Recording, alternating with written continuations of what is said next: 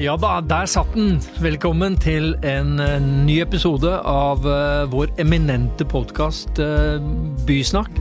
Vi tar da opp alle tenkelige og utenkelige temaer og behandler dem både grunt og overfladisk på en og samme tid. Og det er mye takket være da min bedre hjernehalvdel. Maren Bjerkeng. Hei. Nå har du surra rundt i vår urbane forundringspose nok en gang, mm. og nå Det er mye å ta av, vet du. Ja, nå tenker jeg da bare Nå er jeg veldig spent. Ja. Det vi skal uh, diskutere i dag, er uh, selvfølgelig byen. Uh, men vi skal da snakke om hvordan byen skal ha et mangfold, ulik aktivitet, tilrettelegges for de fleste, eller alle. Um, og så har vi da områder i byen som trengs å løftes og videreutvikles. Vi snakker jo ofte om nye knutepunkter, nye transformasjonsområder. Men hva med de områdene som allerede er etablert som nabolag, hvor man har behov for å øke kvalitet, trygghet, aktivitet uh, på mange måter. Uh, og for å diskutere det, så skal vi sette lupen på områdeløft Grønland og Tøyen. Eh, og hva, skal se litt på hva er områdeløftets oppgaveambisjon, eh, eller hva er områdeløftet? Eh, og hvordan kan man jobbe for å involvere både lokale krefter og ildsjeler, næringsutviklere, de som bor der og de som skal bo der. Så et enkelt, enkelt og greit tema denne gangen, Erling. Oh, suverent. Jeg elsker det. Ja. For å diskutere dette her, Gro Sandkjær Hansen, byforsker, Oslo OsloMet. Kjersti Grut, du er programleder. Eh, egentlig, og du, Det som er enda viktigere eh, i denne episoden her, er jo at du er samfunnsgeograf. Ja, nå, nå, ingen ser det, men jeg har hånda på hjertet mitt. Vi må eh, holde sammen. Men jeg tenker at vi starter med deg, Gro. Og for å sette dette områdeløft eh, i en sånn historisk eh, kontekst, fordi som samfunnsgeograf, så særlig de britiske, eh, de så jo da på framveksten av områdeløft eh, særlig under Tony Blair.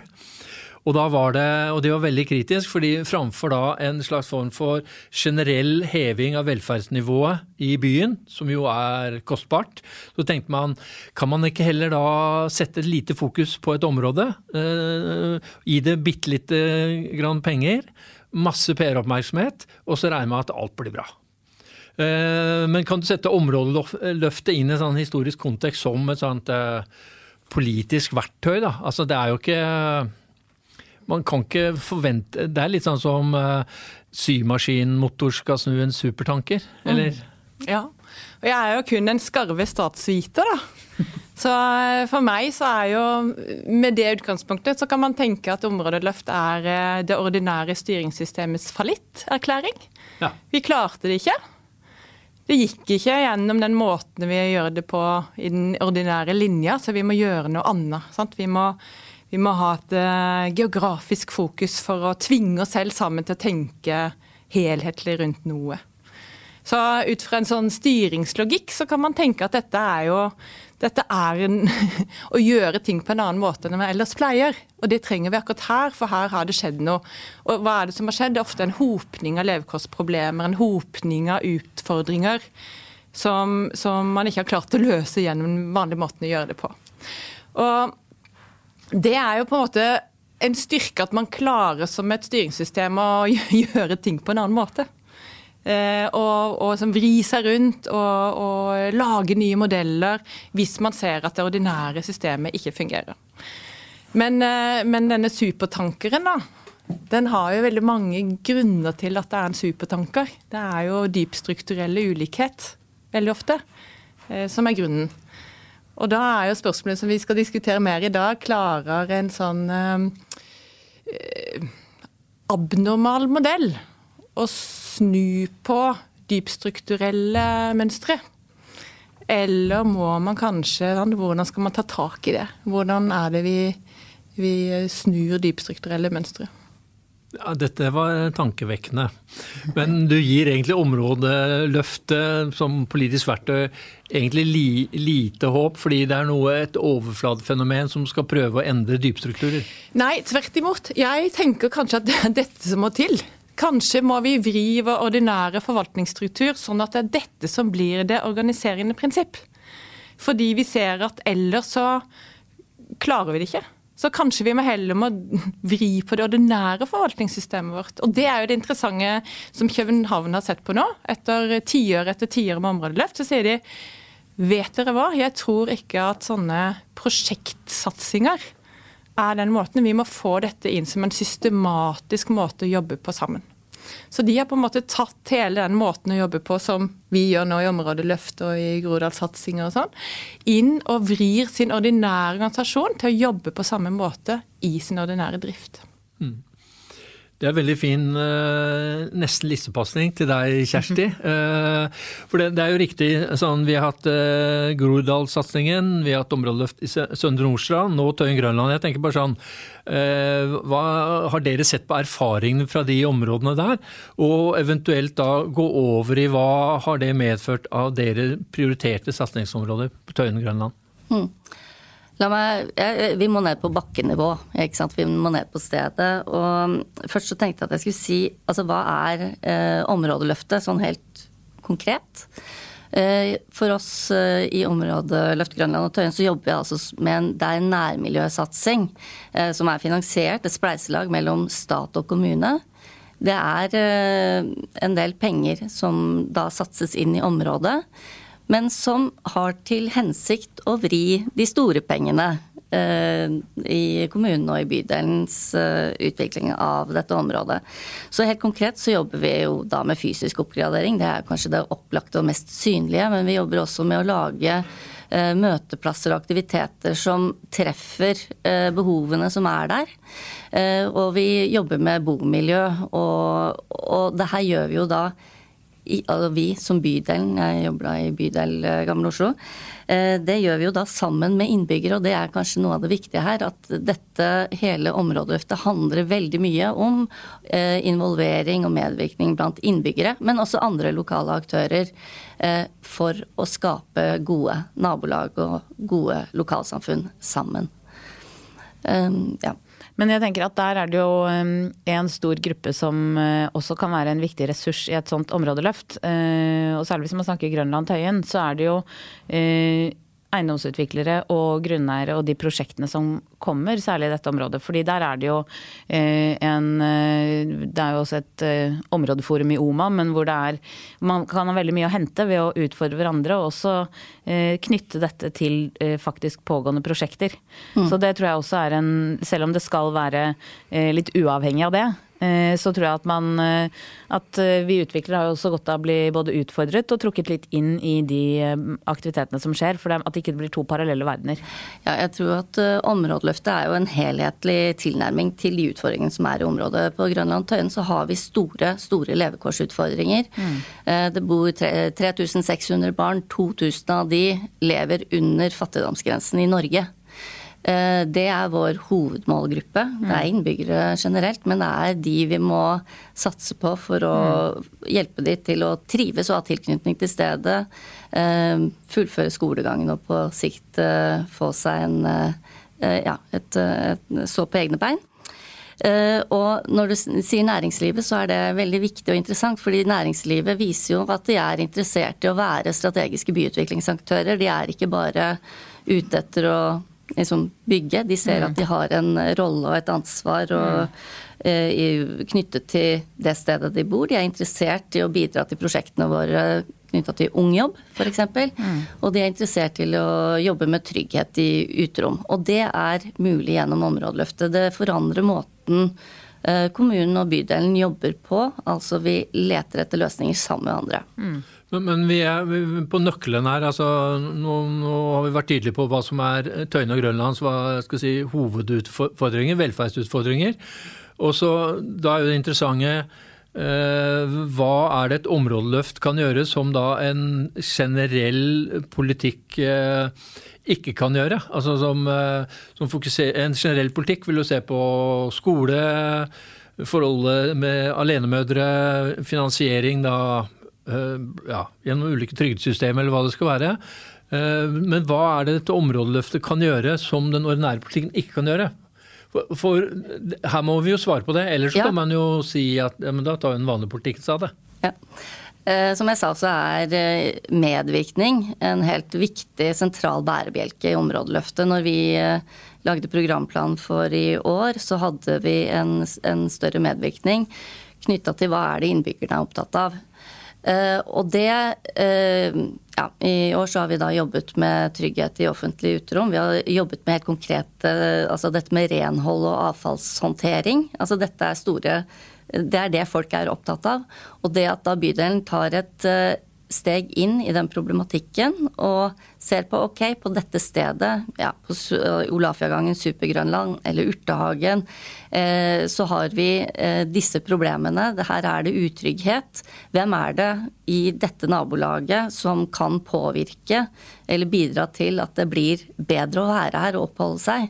Og så spiller vi ball med det. Vi identifiserer problemer sammen med innbyggerne og, øh, og får ressurser både fra innbyggerne og de lokale aktørene. Det være seg næringsliv, lag og organisasjoner, velferdsytere innenfor rusomsorg, til å være med å løse øh, utfordringer. Og det er nytt. Og det som er viktig, er at øh, programplanen i Områdeløft er én ting, men de strategiene vi følger, de blir implementert og blir tatt opp i bydelens politikk.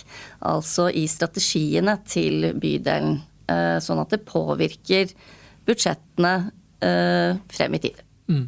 Men dette tenker jeg, Gro, dette høres litt sånn uh, som søt musikk. At du har en sånn universell politikkutforming, og så får du mer en kontekstuell tilnærming gjennom områdeløft. Kartlegge ressurser, aktivere dem. Mm. Ja, jeg tenker, det er særlig, jeg tenker det er tre tre viktige bidrag, eller langs tre dimensjoner som områdetankegangen eh, bidrar. Og Det første er jo denne koordinerte innsatsen. og Det er fordi Oslo kommune er en veldig stor kommune. Den har en del utfordringer knytta til eh, sektorproblematikk. altså sterke eh, sektorer som må samarbeide, som ikke er så lett. Og så har den en nivåproblematikk. At den, det nivået som beslutter areal, tar arealbeslutninger og byggebeslutninger, er, er på kommunenivå. Og de som har med tjenester til, eller veldig mange av tjenestene til innbyggerne, er på bydelsnivå. Så du har et sånn et gap. Jeg ser at du klarer ikke å kanalisere så mye av den derre eh, kjennskapen til lokale leveområder og de menneskene som bor der, så godt opp til kommunale arealbeslutninger. Alltid. Fordi at det besluttes hos, eh, på bynivå, men, eh, men, bydelen på en måte har alt, alt av tjenester. Så det du gjør, det første den gjør, er å tvinge disse aktørene sammen. Og jobbe systematisk. Sant? Systematisk over tid i disse uh, prosjektorganiseringen. Både byen og bydelen og de ulike sektorene i byen. Det er det første. Det andre er jo friske midler. At du får inn 30 eh, millioner friske midler i året, det er jo fint. Og det, det gjør noe ved det. Det er mye prosjektbasert. Eh, så det tredje er jo det at denne tilnærmingen, at du skal få opp prosjekter, det virker stimulerende. For da må du da må du også tenke nytt. Du skal utløse noen midler prosjektbasert, så du må, du må tenke nytt innenfor den tjenesten du er i, og samarbeide med andre tjenester, eventuelt andre aktører utenom. Næringsaktører og mm. innbygger- og, og nærmiljøaktører. Mm. Så de tre elementene hadde du ikke nødvendigvis hatt i den ordinære driften. Mm.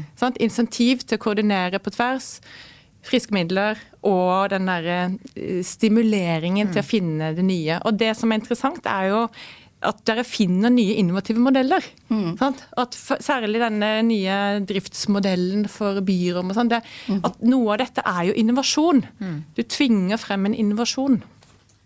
Men du må bare merke det her, Kjersti, at nå har allerede snudd fra en litt sånn eh, forsiktig skepsis til eh, mer en sånn bejubling. Eh, så stemningen er i ferd med å snu. Men jeg tenker at det er, Og det er jo nettopp det, sant, at man har da en Hvis man tar det fra et utviklerperspektiv, så har man jo da en en annen måte å få en lokal forankring ved at det er en organisasjon eller et, et områdeløft da, som koordinerer litt hva man er opptatt av i bydelen. Eh, og så er det jo en måte også å få man kan si at systemet ellers har feilet, men det er jo områder hvor problemene er komplekse og har utviklet seg over tid. Det er jo ikke sånn at her lagde vi en, en større plan, og så ble den feil, eh, og så må vi fikse på det. Eh, så jeg tenker at her er det jo mange gode krefter som kan spille sammen. Og så er det jo det aspektet som Kjersti trekker opp med, med f.eks. Olafiagangen. Det et, det er en lang tid eh, i veldig mange av disse byområdene før det kommer til å skje noe, fordi det er lange prosesser eh, utvikling og reguleringsmessig. Så det kan jo også være med på å fylle det gapet i en sånn tidlig fase. Og så tror jeg at man skal ta med seg det at det er litt sånn kampen om å være den beste byutvikleren også, som også går på det med medvirkning og nabolag. sånn at man da koordinerer seg litt eller samarbeider om det. Der tror jeg det også er mye å hente. Man ikke jobber eh, oppå hverandre. Ja, og jeg tror at dette, har, dette, er liksom utover den tradisjonelle medvirkningen etter eh, areal- mm. og planleggingsprosesser. Dette handler om en mobilisering mm. også, mm. og det er veldig viktig for å kunne løse utfordringene som er f.eks. knytta til trygghet i nabolagene, altså der du bor. Mm. Eksempelvis så har vi et prosjekt i Breigata Eh, det er et sted hvor det er en barnehage inn i en bakgård til et eh, sameie. Og det er også et seniorsenter der og omsorgsboliger. Eh, utgangspunktet var at vi i Områdeløftet var med på å finansiere oppgraderingen av barnehageutearealet. Og så fant vi ut at vi slår dette sammen, vi får aktørene sammen. Så vi lager en felles bakgård, felles oppgradering, hvor vi også da får opp en felles driftsmodell. Eh, og hvor det også er grunnlag for at det dannes bomiljøgrupper, hvor eh, de som er fra seniorsenteret, omsorgsboligene, sameie og barnehagene jobber sammen om å aktivisere og få liv i den bakgården som da i utgangspunktet var både trygg og eh, avfallsproblemer og mm. av, skadedyr og sånne ting. Men hvor man gjør altså en felles innsats, og hvor folk som bor og bruker Grønland og Tøyen, opplever at de kan være med og utforme sitt eget eh, nabolag og nærmiljø. Mm. Men Vi har jo diskutert eh, en tidligere episode om Olafiagangen. Mm. Og hvor det var da Knut Skreiner i Rodeo versus uh, uh, Aslaug ja, i Leve Urban Design. Og hvor Knut Skreiner sier bare sånn litt sånn foraktelig. Bare sånn Ja, men det å snekre noen paller og male dem, altså Det hjelper jo ikke på Grønlands problemer. River du Vatlandsbroa, da snakker vi butikk, sa han. Altså, så hvordan kan da disse små øh, menneskelige tiltakene spille på lag med de store strukturene? Fordi at før eller senere må de kjedes.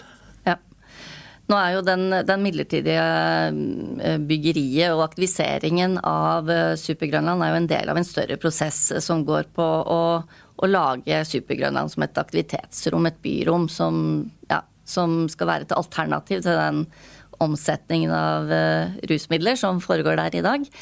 Um, det å Altså, vi kunne jo sette oss ned og vente på at Nylandsbrua forsvinner, eller ja.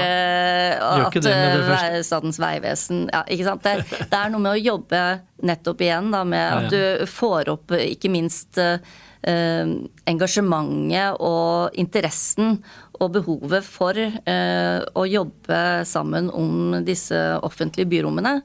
Ehm, så jeg tenker jo at eh, Supergrønland vil jo være med på å rett og slett eh, se ok, hva er det dette stedet trenger eh, sånn endelig. Du skal jo, så skal vi jo si at de var jo ikke direkte uenige heller, for vi var jo enige, eller jeg konkluderte i hvert fall da med at alle var enige om at Nylandsbroen skulle rives. Men spørsmålet er jo hva gjør, hva gjør man i mellomtiden? Ja. Det skal vel ganske mye til at det blir så hyggelig at man tenker at den beholder vi uansett. Men jeg tenker, Magro, i og med at du er da den kloke forskeren vår, fordi et nøk nøkkelord som jo, hvis man lykkes eh, med et områdeløft, så er det neste ordet som da følger, det er gentrifisering. Altså fortrengning.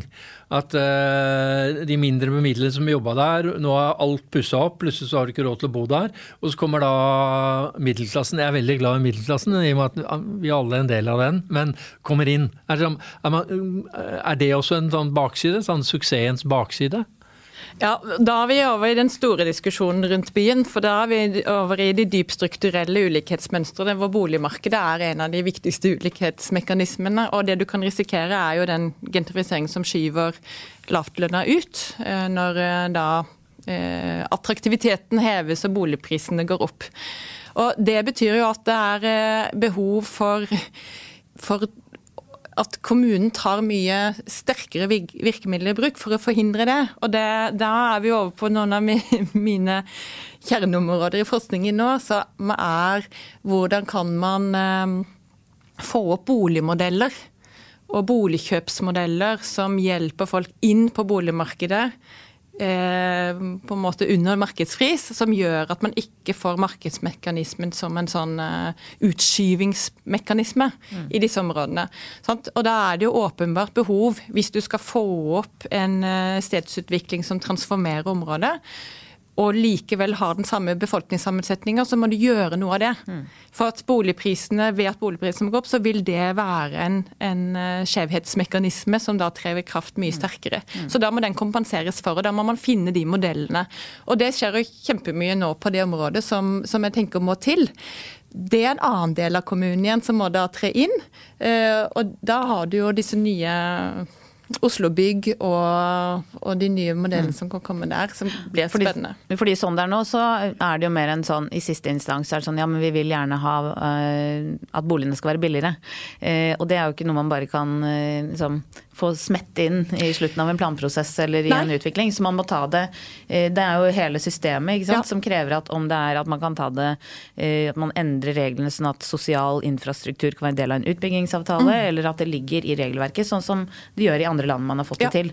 Så det er jo en utfordring nå. Og så tenker jeg at det med gentrifisering, eh, det kommer man jo fort opp i. Og da blir det også sånn, eh, hva er det egentlig? Det er jo som du peker på primært eh, boligene og at folk føler at de blir presset ut. Men det blir jo fort sånn at med en gang noe blir fint eller hyggelig eller et godt byrom, så er det gentrifisering. For man ønsker jo heller ikke at når man sier at ja, det kan være litt shabby, liksom den derre litt sånn romantiseringen av at ting er så ekte og litt sånn rufsete. Det er jo heller ikke det man ønsker. Så den balansen der, den er jo, er jo veldig vanskelig.